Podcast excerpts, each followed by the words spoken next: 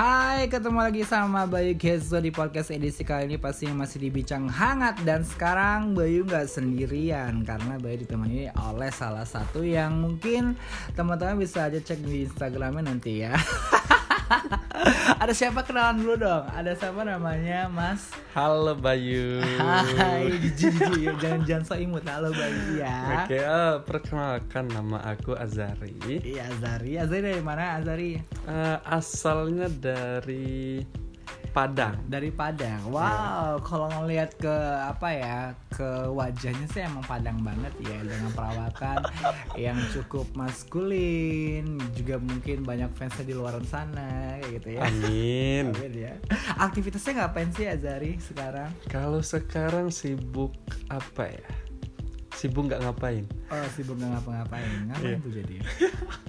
Jadi adalah menghabiskan waktu dengan tidak melakukan apa-apa. Oh, tidak lakukan. Oh, itu bermaknakah seperti dengan tidak melakukan apa-apa? Ya karena dalam fase umur 20-an ini ya. Jadi masih Oh. umur 20-an ini kan jadi fasenya kalau media-media bilang itu life quarter crisis. Quarter life crisis. Ah ya, Dan quarter, ya, quarter life crisis. Terbalik gimana sih lo kayak mana sih ah Iya. belajar bahasa Inggris juga Gak kayak Iya, ya jadi ya. fasenya adalah mencari, mencari jati diri mau ke mana mau ke mana gitu kan. Tapi sekarang ini lagi nggak tahu mau ngapain jadi ya nikmatin aja lah waktu Oh, ya. nikmatin aja. Ya. Tapi mohon maaf nih sebelumnya karena kita udah pernah ngebahas quarter life crisis gitu kan, tapi obrolan kita gak ke sana. Nah, berbicara dengan statement dari Azari sendiri yang menikmati apa aja. Nah, kira-kira kalau masalah pergaulan sendiri, bagaimana ya kita sebagai seorang muda menikmati pergaulan kayak gitu? Apakah harus kita ini baik sama siapa saja ataupun juga uh, berteman siapa saja ataupun juga harus panjat sosial menurut Azari sendiri bagaimana sih layaknya kita sebagai seorang yang masih dalam tahap quarter life crisis ini menjalin sebuah pertemanan ke orang-orang Hmm, menarik. menarik ya Menarik sih, cukup berpikir. menarik pertanyaannya.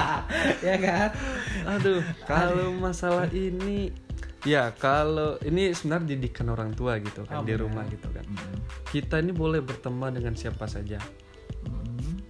Tapi kita harus tahu kita berteman dengan siapa. benar Nah, kalau dalam agama kan kalau kau berteman dengan apa penjual parfum eh, nanti ikutan wangi ikutan wangi gitu Iya. kan. Begitu juga sebaliknya. Nah, dari situ mulailah apa namanya? Ya, pasti kalau di fase awal kita di lingkungan baru, Mm-mm. tentu kita menemukan orang-orang yang sebelumnya kita tidak kenal. benar Nah, jadi itu adalah fase untuk kita berteman dengan siapa saja.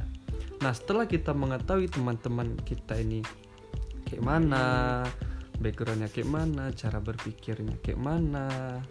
Nah, di situ baru kita fase untuk pilih-pilih teman. oh Pilih-pilih teman artian, misal teman si A nih, si A nih, si A nih dia memiliki pandangan yang menarik nih untuk diskusi masa depan. Hmm. Ya udah berarti kalau sama dia kita fokusnya adalah cerita tentang itu gitu. oh boleh Nah, boleh, kalau si B, dia nih anaknya asik untuk diajak liburan, hangout boleh. atau nongki Oke gitu ya kan. Bayu Ah. iya iya iya Ah, terus terus ya udah berarti sama dia ya nongkrong gitu loh. oh benar benar Nah, jadi setiap orang tuh punya porsi masing-masing. Ah itu sih kutipan dari aku kok sih. Nah, tapi ada juga yang penting. eh ya, gimana gimana? Pentingnya adalah kita harus mengetahui orang-orang ini dia yang bikin mood booster kita atau menghabiskan energi kita. Oh. Nah, tentu kisah misal kita dalam lagi pengen senang-senang nih, ya udah cari temen yang mood booster gitu loh. benar benar benar. Nah, gitu. jadi kita pilih-pilihnya di sana gitu. Ini menguras tenaga ya udahlah nanti aja gitu loh kalau dia ngajak gitu kan. Oh benar benar. Nah, jadi kita harus tahu juga fase-fase kita ini sebenarnya kita lagi ya misal kita sedang mood ya udah nggak apa-apa dengan mereka yang menguras energi gitu loh. Ah, benar benar. Nah, misal kita lagi sedang butuh hiburan, ya udah sama si B gitu, sama si Bayu Catchword contohnya.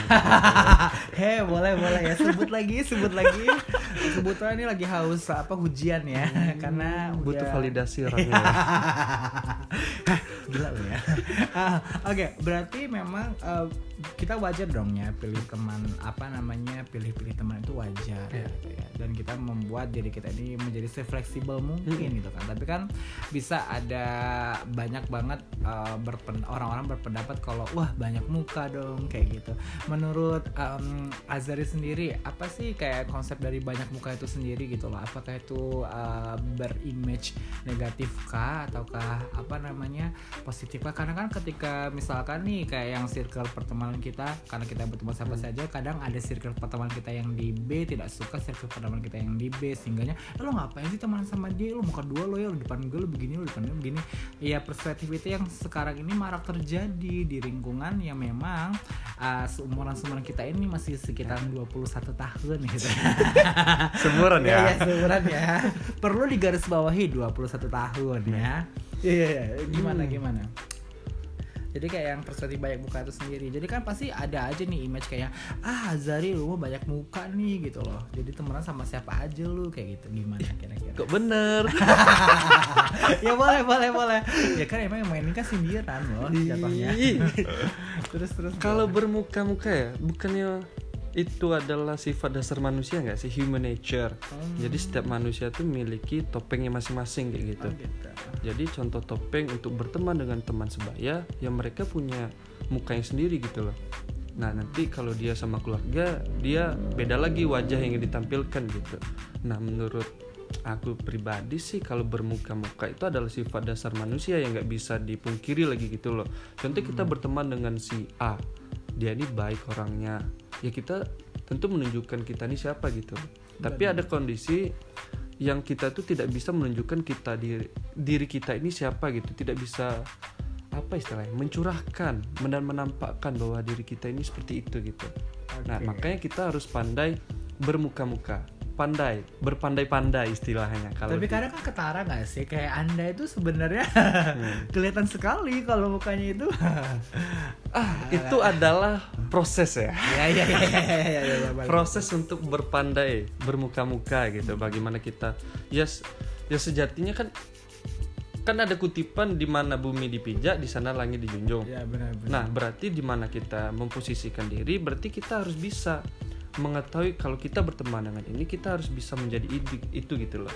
Jadi kita harus tahu posisi kita. bunglon lah ya nek. Iya, jadi makanya dengan kita bisa bermuka, dengan pandai bermuka, kita bisa berteman dengan siapa saja. Tapi pernah nih mikirnya kayak gini, kalau kita berteman dengan siapa aja, tapi hubungannya itu dangkal kebanyakan Oh gimana tuh maksudnya? dangkal ini ya hubungannya itu enggak eh, kita kurang mengetahui dia tuh seperti apa jadi cuman permukaan doang Oh ya benar-benar sih ya. dan itu sifatnya ini secara pengalaman ya by experience ya kebanyakan hubungan yang diawali dengan bermuka-muka cuman kita tidak mengenal secara lebih jauh hubungan itu lebih short term gitu Oh jadi kayak udahlah seadanya lah ya ya. gitu. seadanya aja gitu tapi kalau kita udah ketemu sama orang yang klop ya kita akan bisa menunjukkan wajah kita siapa itu emang sifat Tapi manusia selama ini selama hidup itu pernah gak sih kayak menemukan kayak yang ada yang klub dan akhirnya tahu semua muka kamu tuh bagaimana gitu? ada nggak kira? ada sih di kuliah Oh gitu. Di jadi kuliah. dia pada jadi kayak udah butuh udah busuk-busuk lu dah kayak gitu. Jadi kayak, Iya makanya kalau dia apa namanya lihat aku ngomong di depan umum atau lagi Kayak ngobrol sama orang lain ya gitu kan ah alah ngomong kosong kayak gitu Ah, tau gitu, sih gitu ya. kan udah tahu saling tahu gitu Jadi udah hampir lah ya Nah. di sini meskipun baru dua bulan ya. Iya. Oke kelihatan juga. Oke menarik Hmm. menarik menarik penjelasannya ya. Berarti kalau tipikal dari uh, Azari sendiri seperti itu cara bertemannya ya. Dan itu image-nya berarti bermuka-muka itu positif ya. Di Iya kita, ya positif, kan? tapi kalau negatifnya kayak ini. eh kenapa banyak asumsi bermuka itu negatif? Misal contoh kita kita temannya nih, Mm-mm. ya kan baik. Nah tapi kalau aku sama yang lain ngomongin lo di belakang, ya itu berarti jelek-jelekin namanya. Oh, iya, benar, benar, itu benar. yang bermuka dua. benar benar. benar. Nah kalau bermuka-muka ini ya kita berteman dengan siapa saja, dengan kita menunjukkan kita ini siapa kita. Oke, sip. That's that. Oke, ah yang selanjutnya kalau misalnya kita memang apa namanya eh, tadi ada statement kan bilang kalau berteman sama siapa aja. Nah ini kan kadang disalahartikan menjadi sebuah pengertian yang eh, menarik lagi nih tentang berteman sama perempuan mana pun gitu. sebagai bentuk pertemanan yang lawan jenis harusnya kan berteman sama siapa aja ini menjadi salah satu problem gitu buat mereka-mereka yang merasa akhirnya terghostingkan kayak gitulah ya misalnya Azari berteman sama si uh, Melody kemudian si Melody ini ya karena Azari baik ke Melody ini Melodinya baper gitu lah. Atau sebaliknya Di- jadi kayak teman-teman Melody ini menganggap kalau Azari itu adalah semacam PDKT-annya gitu. Tapi di konsepnya Azari sendiri ada konsep kebanyakan seorang cowok itu biasanya ya kan gue berteman sama siapa aja. Atau sebaliknya si cewek ya gue kan berteman sama siapa aja. Atau Azari baper sama si cewek ini gitu loh sehingga ya ya ya indikasi tersebut menjadi sebuah indikasi yang negatif kayak gitu kan gitu loh. Gimana? Hmm, asik sih pasti asik ya? Oh asik ya? Ini sebenarnya uh, anda player ya? Bukan. Ah, bukan bukan. Bukan player. Jadi, jadi kayak gimana? Ah fiktif. Penikmat, penikmat cerita Oh, orang. oh. Jadi teman-teman itu sering bercerita gitu kan. Benar benar benar. Nah, karena kita dulu tuh sering menampung cerita-cerita orang gitu, melihat kisah kasih asmara. oh, iya benar benar. Jadi Pernah dengar istilah ini gak sih? Mantan gebetan. Oh gitu pernah pernah pernah. oh jadi jadi sekarang kayak gitu Enggak, sekarang enggak. Ini contoh, teman. Nah, jadi dia itu ah tapi perlu di apa ya? Kita batasin gitu. Maksud baik ini baik ke semua orang atau baik ke cewek aja? Kalau baik ke cewek aja eh, maksudnya kan dua jenis nih. Cowok cewek kan. Nah, misalnya cowok ini cuma baik ke cewek berarti ada indikasi apa ya? Istilah gatel lah. Oh ya kak? Oh itu terlalu kasar sih gak? Oh, gatel. Kayak inceran kali ya? Apa? Atau gimana Ah, ya mungkin ada inceran Atau gitu. crush gitu ya bisa jadi gitu kan. Tapi kalau dia friendly kan berteman siapa jenis kan friendly kan. Mm-mm. Nah, kalau friendly ke semua jenis, maksudnya cowok, cewek berarti emang dia friendly dong. Oh gitu. benar. Nah, kecuali misalnya contoh si cewek nih namanya Caca gitu kan.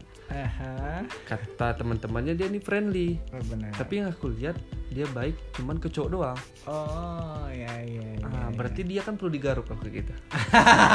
oh jadi anda yang garuknya gitu ya? Kita suka menggaruk. ketemu ya? Iya iya iya.